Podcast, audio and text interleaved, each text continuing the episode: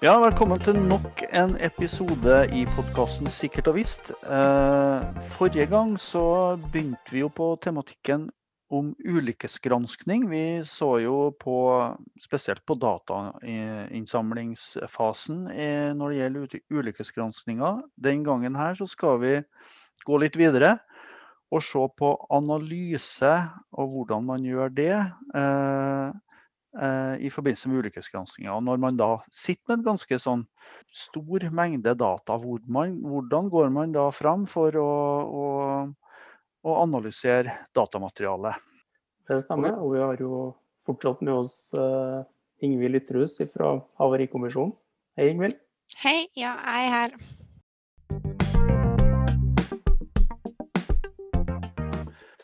Jeg tenker sånn, nå, Hvis vi går ett steg videre. Uh, nå sitter man på en uh, masse informasjon, en masse data, uh, vitneutsagn osv. Så, videre. så er det jo et spørsmål om hvordan går man da fram for å analysere det her potensielt veldig store materialet man da sitter på. Det, da er det vel også lurt kanskje å ha en, en, en strategi eller en modell eller en tenkning i bånn metodikken eller det rammeverket som vi, hadde, som vi har etablert hos oss, da, som ja. består av syv trinn som vi jobber oss gjennom da, i denne analysefasen. Mm. Eh, og de trinnene hjelper oss da, til å jobbe godt i et team og stille de riktige spørsmålene. Mm. Men vi ser også at det er mulig å altså det her er en iterativ prosess, sånn at det er mulig å hoppe litt frem og tilbake, avhengig av funn og erfaringer. Det er ikke sånn at når du først har kommet til trinn seks, så, så, så, må du gå til trinn syv neste, men du kan gå tilbake hvis du ser at det er mangler. Mm. Eh, og også at eh, vet ikke kan også være riktig svar, på en måte. Ja, ja. Eh, du må ikke på død og liv eh, altså finne opp faktorer som ikke er der, for å si det sånn. Så da mm. jobber vi jo med det her flerårsaksperspektivet, eller den nivåtilnærminga til årsaksfaktorer på ulike nivåer. Og så har vi eh, forskjellige typer diagrammer eller eh, metode, altså verktøy da, som vi bruker i det her analysearbeidet. Ja. Hvis vi begynner med trinn én, da. Det er vel å beskrive hendelsesforløpet, ikke det? Ja, trinn én er å, å, beskrive hendelsesforløpet og klarlegge hva som skjedde, og, og, hvem som var involvert eh, på hvilket tidspunkt. Og da bruker vi veldig ofte en sånn step-metodikk mm. for, for, å kartlegge hendels, hendelseskjeden, da. Ja. Kan du si hva en step er, kanskje? Ja, en step er en, eh, at man sorterer aktørene, eller de som var involvert i hendelsen, Eh, på en tidslinje på en måte for hver aktør en egen svømmebane. Um, og, og, hver aktør da blir plotta i tid i forhold til hvilke handlinger eller hendelser som er knytta til den aktøren. Ja. Uh, og så ser man da gjennom en sånn step-metodikk så kan man er det lettere å se på samspillet mellom de ulike involverte i et hendelsesforløp, og hvordan hendelsesforløpet da eh, spilte seg ut over tid. Mm. Svømmebane syns jeg var et veldig godt uh, uttrykk. For det, ja. det, ligner jo veldig på det. Det var faktisk en Jeg hadde et sånt kurs her med en, en nyansatt hos oss, og han brukte det, det ordet, så det syns jeg var så bra. Ja.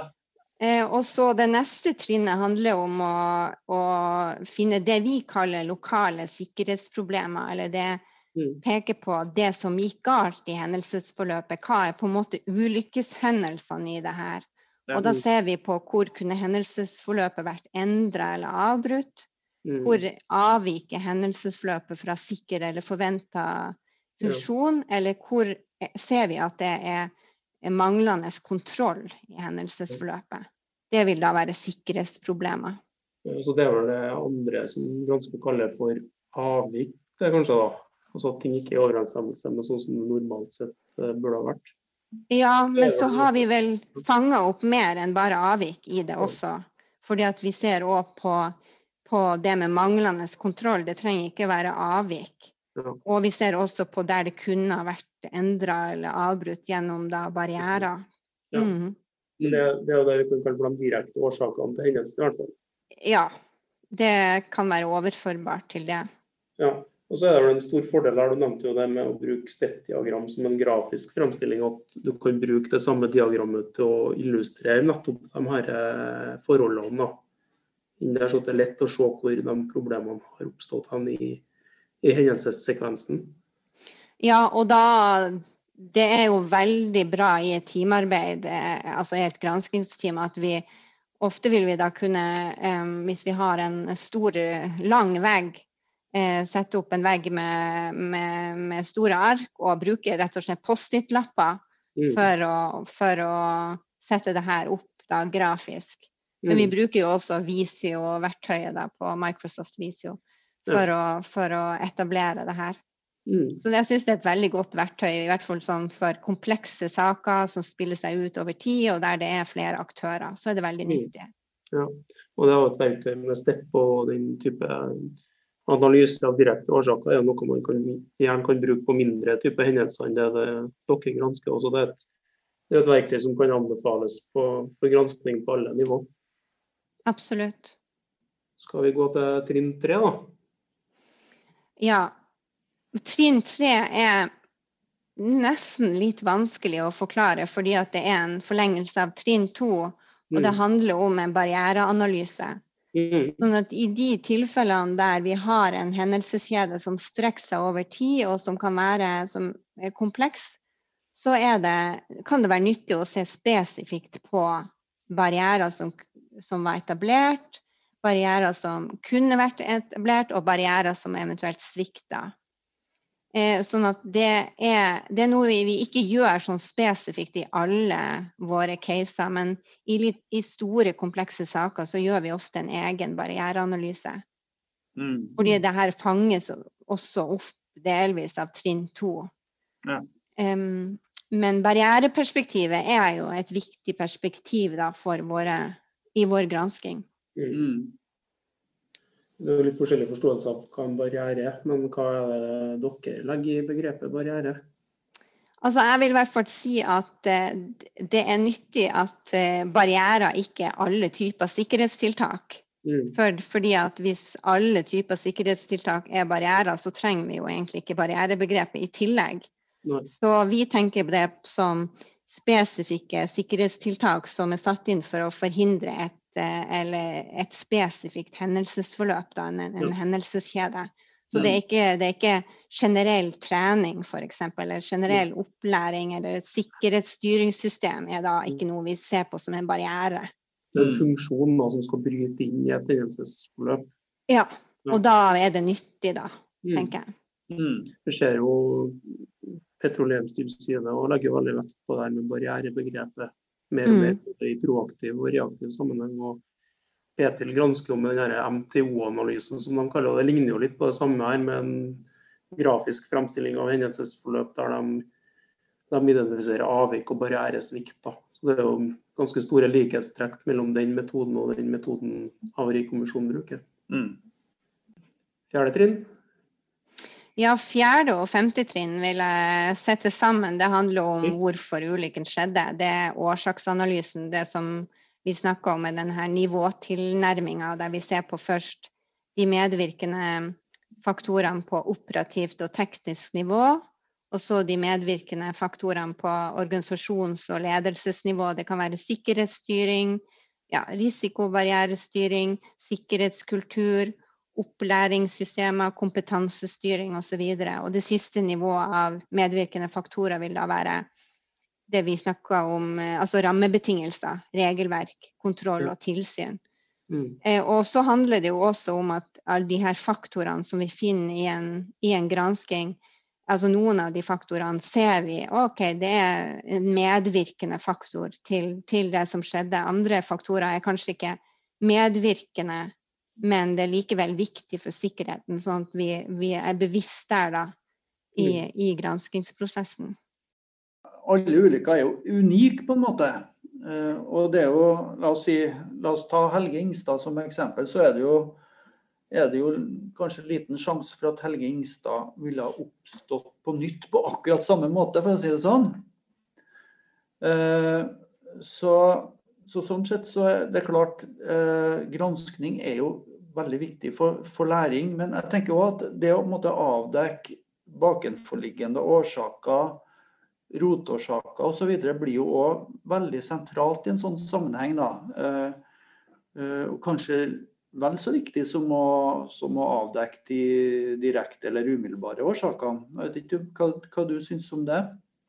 Jo, absolutt. Eh, vi tenker jo at eh, det er omkring altså det med de bakenforliggende organisatoriske og systemiske årsaksfaktorene, det er de da som kan eh, bidra til å forhindre eh, nye ulykker. Mens hvis man kun peker på de lokale tekniske operative faktorene, så vil man kun være i stand til å forhindre den ene, akkurat ja. den ene unike ulykka. Så ja. det handler jo om det man kaller for dobbeltkretslæring. Ja, ikke mm. sant? Og at du får til læring på et mer overordna nivå på systemer og mm. forutsetninger og rammer for sikker drift. Og vi har valgt å kalle det for systemiske sikkerhetsproblemer. Da har vi vært gjennom de trinnene som går på selve analysen, og så har dere to trinn til som går mer på tilrådninger. Kan tenke meg å stille samme spørsmål som jeg har gjort tidligere her nå, med hvilke råd kan man gi til det er andre som gransker, med tanke på analyse av årsaksforhold? For det første så, så er et råd at man lærer seg et verktøy, da, som mm. f.eks. STEP, eller en type grafisk fremstilling. fordi det gjør det enklere å sortere både hendelsesforløpet og årsaksfaktorer. Da.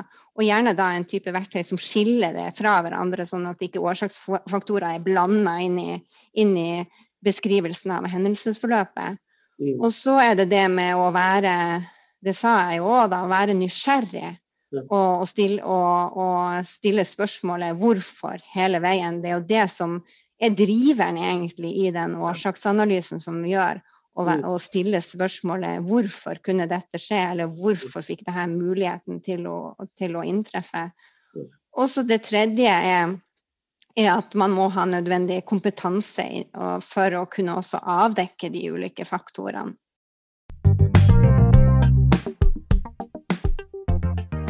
Vi er to trinn igjen. Eh, da er vi vel over på granskningsrapport og, og det å jobbe med formidling av det her. Stemmer ikke det, Ingvild? Ja, det er jo trinn seks og syv i vår metodikk som handler om det som jeg kalte systemiske sikkerhetsproblemer. Eh, som, altså områdene som vi ser der sikkerheten kan forbedres. Og ut ifra de områdene så eh, er det der vi har, da, har mulighet til å fremme sikkerhetstilrådinger. Eh, og det, og det, er klart at eh, for så vidt nesten hele veien så jobber vi med å skrive en granskingsrapporten. Ja. Eh, sånn at det jobber vi med eh, ja, hele veien og underveis mens vi mm. samler inn data og vi analyserer data. Men det her blir jo til i en iterativ prosess også. Mm. Eh, og, og, så er det viktig at vi har en god dialog med de aktørene og de involverte eh, virksomhetene, organisasjonene og myndighetene som eventuelt eh, vil eh, motta en sikkerhetstilråding fra oss. Sånn at. Eh, man har forståelse for de sikkerhetsproblemene som er identifisert, og hvordan man eventuelt skal kunne løse de. Mm. Og skrivinga av en rapport er et ganske sånn nitidig arbeid, i hvert fall hvis det, man ser på store undersøkelser som Helge Ingstad og Turøy. Det brukte vi jo eh, to år på, på, undersøkelsen og rapporten. Mm. Og da er det sånn at endring av én liten ting i faktadelen, altså de faktiske opplysningene, kan forplante seg gjennom hele analysen helt til de tilrådingene vi kommer med. Ja. Sånn at å ha den sporbarheten og den røde tråden i, i granskingsrapporten er veldig viktig. Eh, hva vil du si er, hva er kjennetegnet en god granskingsrapport? For det første så er vel fundamentet å ha en god beskrivelse av hendelsesforløpet og omstendighetene rundt det som skjedde. Ja. Mener også at det er viktig å ha et skille på det som er eh, faktiske opplysninger og de undersøkelsene som man gjør, og det som er analyse av de faktiske opplysningene og undersøkelsene. Mm. Og så er det den røde tråden. Mm. At du nesten kan åpne opp rapporten og lese sikkerhetstilrådninger og mm. spore deg bakover til hendelsesforløpet og se at det her henger sammen da, med ja. det som skjedde. Ja. Um, og så er det jo for oss eh, kan jo rapportene bli eh, ganske lange og store og teknisk kompliserte også. sånn at det å ha en, et godt sammendrag og, og, konklusjoner som gjør det mulig å fange opp essensen i rapporten, vil jo òg være viktig for å formidle budskapet. Men man kan jo stusse litt på kanskje at de rapportene som dere kommer med, det tar jo ofte ganske lang tid fra hendelsen har skjedd til rapport med tilrådninger foreligger. Ja, vi bruker jo en viss tid, og det er jo både fordi at vi vi har mange formelle retningslinjer til hvordan saksgangen vår skal være. da. Bl.a. så gjelder det rett til gjennomsyn for de saken angår, eller de som har gitt oss informasjon i en undersøkelse. Så de formelle på en måte, delene vi må gjennom, tar en del tid. Og så undersøker vi jo mange ulykker samtidig, så vi har en ganske stor portefølje om å på en måte prioritere mellom de ulike sakene. Eh, men når det er sagt, så har vi jo en tolvmånedersfrist på våre rapporter. Og dersom vi ikke er ferdig med rapporten innen tolv måneder, så skal vi da komme med en foreløpig rapport eller statusrapport eh, det, på ettårsdagen. Og, og, vi sørger jo også for at sikkerhetskritisk informasjon blir videreformidla til de som eh, ja, kan gjøre noe med det underveis i prosessen. da. Nei, for Vi har jo sett en del sammenhenger, vi òg. Vi har jo, har jo forska litt på det, eh, bl.a. på oppdrag fra, fra Petil. Eh, og sett litt på sammenhengen mellom måtte, avdekka årsaker og tiltak. Mm. Og, og, det vi ser i det sammenhengen, at det er ikke nødvendigvis en veldig god sammenheng mellom årsaker og, og tiltak, og at man i noen sammenhenger kanskje kan ha en, et lite repertoar av uh, tiltak som man nærmest per default eh, foreslår, da, og som kanskje òg kan være litt og, Ja, som kan også være ja, ikke sant? nye prosedyrer eller uh, den type tiltak som kanskje kan være litt generelle. da. Mm. Av typen det må en holdningsendring til, eller uh... Ja, og da er jo det det jeg nevnte med den røde tråden som blir viktig, og at vi har mm metodikken som vi bruker, eh, altså med, eh, med, de syv trinnene, skal jo også bidra til at du får den sammenhengen og den røde tråden da, også i den rapporten man ender opp med å skrive. Jeg tror kanskje vi skal legge ut en lenke til den uh, SHT-metoden som vi har snakka om, så ja. lytterne kan få se det grafisk hvordan det ser ut. Mm. En fin rapport som ligger ute. Mm. Jeg tenker altså, det, det, er jo sånn at uh, dere er jo på en måte uavhengig. Eh, dere er jo en ekstern part, i hvert fall hvis man skal gå inn i, et, i en bedrift eller et selskap osv. Uh, um, og dere står jo på en måte fritt til å foreslå tiltak. Jeg ser jo i litteraturen at det er jo et uttrykk som heter 'What you find is not always what you fix'. Eh, og det jo si, handler jo litt om at man eh, Hvis man har en intern granskning av en hendelse, så, så, er, så står man kanskje ikke helt fritt til å, å foreslå uh, hva som helst. Altså det, det kan handle om har at, om ressurser, f.eks. Det kan handle om uh, politikk, hva som på en måte er gjennomførbart osv. Men dere er jo i den situasjonen at dere trenger ikke å ta den type hensyn egentlig når dere uh, foreslår tiltak. Nei, og vi kaller det jo ikke tiltak heller, vi kaller det for sikkerhetstilrådinger. Ja. Som da er råd eller anbefalinger om hvordan sikkerheten kan forbedres. Og så er det da opp til den som er mottaker av tilrådingen, da å finne det, de relevante tiltakene, den som eier problemet, da. Så mm. vi kommer ikke med en spesifikk løsning, vi er mer en Eh, beskrivelse av, av sikkerhetsproblemet og det som da må gjøres noe med. Mm. Men vi må også ta hensyn da når vi fremmer tilrådingen, så de blir ikke på en måte i, i hytt og gevær heller. Nei. For det handler jo om hvor viktig eller hvor stort omfang det sikkerhetsproblemet som vi har identifisert, har. da. Mm. Og det handler også om det har man allerede iverksatt tiltak eller planlagt tiltak som er godt, godt i gang. da, For vi bruker jo vi har en generell tolvmånedersfrist på våre rapporter, men vi kan jo også bruke lengre tid. Så hvis mm. man allerede har igangsatt, igangsatt relevante tiltak, så er det jo ikke nødvendig at vi fremmer en tilråding. Og så må vi også se litt på, på gjennomførbarheten og realismen i det vi tilrår. Ja. Eh, vi kan ikke tilrå midtrekkverk på, på, alle, på alle riksveier, f.eks. Eh, for det, det, må jo være en edruelighet i det òg. Og så må vi se på ja, effekten på sikkerheten av at, å tette det sikkerhetshullet. Da. Det kan mm. jo være et sikkerhetshull som egentlig kun er relevant for den, akkurat den ene spesielle ulykka. Mm. Eh, så da, hvis vi ikke har klart å, å peke på mer overordna systemiske, da, eh, mm. generelle problemstillinger, så er det ikke relevant å fremme en tilrådning på noe som er veldig sånn spesifikt. Den type kost-nytte-vurdering som gjøres? Ja, det vil jeg si at uh, til en viss grad, da.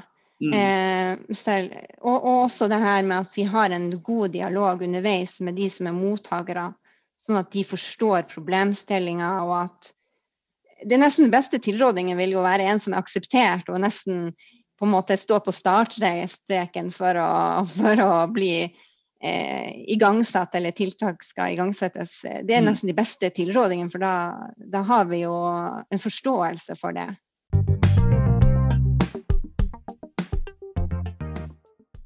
Litt annet perspektiv igjen, om et virksomhetsperspektiv. Så det handler om på en måte å lukke den sløyfa, at man er i stand til å sette inn, eh, sette inn tiltak og ta læring av det, om det er enkeltkrets eller aller dobbeltkretslæring. Eh, det tror jeg er et viktig budskap når vi snakker om ulykkesgransking som metode, og for så vidt alle andre metoder man har i sikkerhetsfaget. at Det er jo snakk om å skal lukke den sløyfa og skaffe deg kunnskap for å sette inn tiltak sånn at du blir bedre og klarer å forhindre både samme type ulykke og andre type ulykker. Læring etter hendelser det er kanskje et eget kapittel i seg sjøl. Kanskje en egen eh, podkastepisode på et senere tidspunkt som eh, vi vet jo at det er ikke rett fram bestandig at man lærer det man skal lære.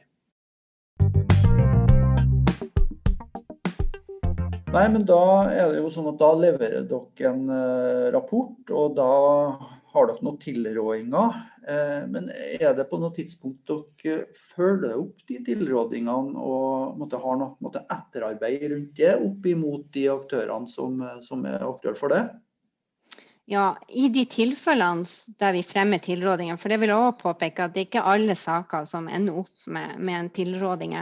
Men det er da eh, de respektive departementene som er ansvarlige for å følge opp at tilrådingen lukkes. Og det vil jo da være Samferdselsdepartementet, mm. Nærings- og fiskeridepartementet og Forsvarsdepartementet som er ansvarlige for å følge de opp og at de lukkes. Og så får vi da eh, eh, beskjed om, om, om, lukkeprosessen og har en oversikt over det. Og da har vi eh, en oversikt over de tilrådingene som vi tenker lukkes eh, på Der problemet er oppfatta og, og, mm. og, tilrådningen lukkes. Og så er det andre tilrådninger som blir, kan stå åpne over lengre mm. tid. Og mm. kanskje ikke lukkes med helt relevante tiltak. Så vi har en oversikt over, over lukkeprosessen.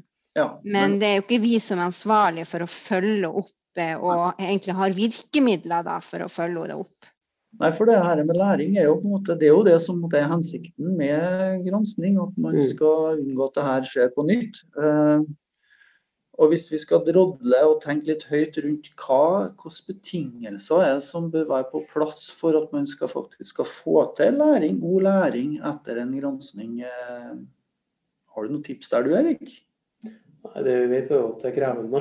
Ja. Uh, jeg syns egentlig mye av det Ingvild har sagt nå er viktig viktige budskap sånn sett òg. Det med, spesielt det med rød tråd, at man faktisk klarer å ende opp med, med, tiltak som gjenspeiler det man har funnet ut at ikke har eh, fungert etter sin hensikt. Og kanskje spesielt når man begynner å gå på roteårsaksnivå og mm. påvirkende mm. faktorer. Mm. Så kan, jeg tror kanskje at hvert fall på et virksomhetsnivå så kan det ha sammenheng med hvem man har med seg i en granskingsgruppe. Ja. Nevnte jo det tidligere her med Kanskje det kan være lurt å ha en leder med seg i en granskingsgruppe som har et eierskap til beslutninger som skal tas, eller at man har arbeidstakerrepresentanter som har et uh, forhold til det. Ja. Nei, jeg tenker at uh, i det så ligger det jo kanskje at uh, en gransking bør være troverdig. Ja, altså å vekke tillit. Mm. ja, I det så har man jo en, en god granskning, egentlig. og når man har tiltak, da, som, som Ingvild var inne på, som er troverdig og, og, og, relevant, ikke minst da, for, eh, for den uh, sammenhengen man, uh, og, det, og, for den hendelsen man gransker. Mm. Og så tenker jeg òg, som du Ingvild var inne på, det her med involvering av alle aktuelle, relevante parter. Mm. Altså at man eh, har medvirkning i den forstand at man, man involverer dem som òg kan gjøre noe med en situasjon som eventuelt er mangelfull i etterkant. Mm. Og selvfølgelig også at man har en granskingsrapport som kanskje òg er, er, forståelig. Eh, kanskje da at man måtte bruke et språk eh, som, eh, som, man eh, kjenner seg igjen i, og, og også det som er, ligger i mandatet til Statens havarikommisjon, det at, at, straff ikke er en del av mm. mandatet. Det er jo selvfølgelig òg en sånn viktig grunnbetingelse kanskje for at man kan uh, til, legge til rette for læring. Ja, jeg kan jo også legge til at uh, vi tenker at mye av læringa skjer underveis i prosessen. Mm. Gjennom involveringa av de som er eiere av sikkerhetsproblemet. Ja. Sånn at når rapporten kommer, så er egentlig kanskje veldig mye gjort da, mm. av, av læringa. Ja, altså tilbake til det vi snakka om innledningsvis om just culture. tenker jeg har kjempestor betydning her at uh, det er ingen som sitter og føler på at man er på jakt etter syndebukker, men vi, vi gjør det her for å lære og bli bedre.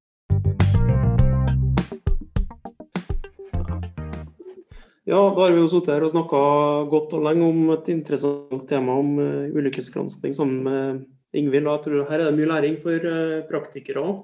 Ja, absolutt. Uh, så da runder vi av og sier tusen takk til deg, Ingvild, for at du, du stilte opp fra Ja, du sitter vel i Oslo? Jeg sitter på Lillestrøm, ja. Sitter på Lillestrøm. Lillestrøm. Mm. Ja. Nei, men tusen takk. Og da snakkes vi sikkert en, ved en senere anledning. Ja, tusen takk for at jeg fikk eh, bidra. Eller vi fikk bidra fra Havarikommisjonen. Og til slutt, hit for Åndales.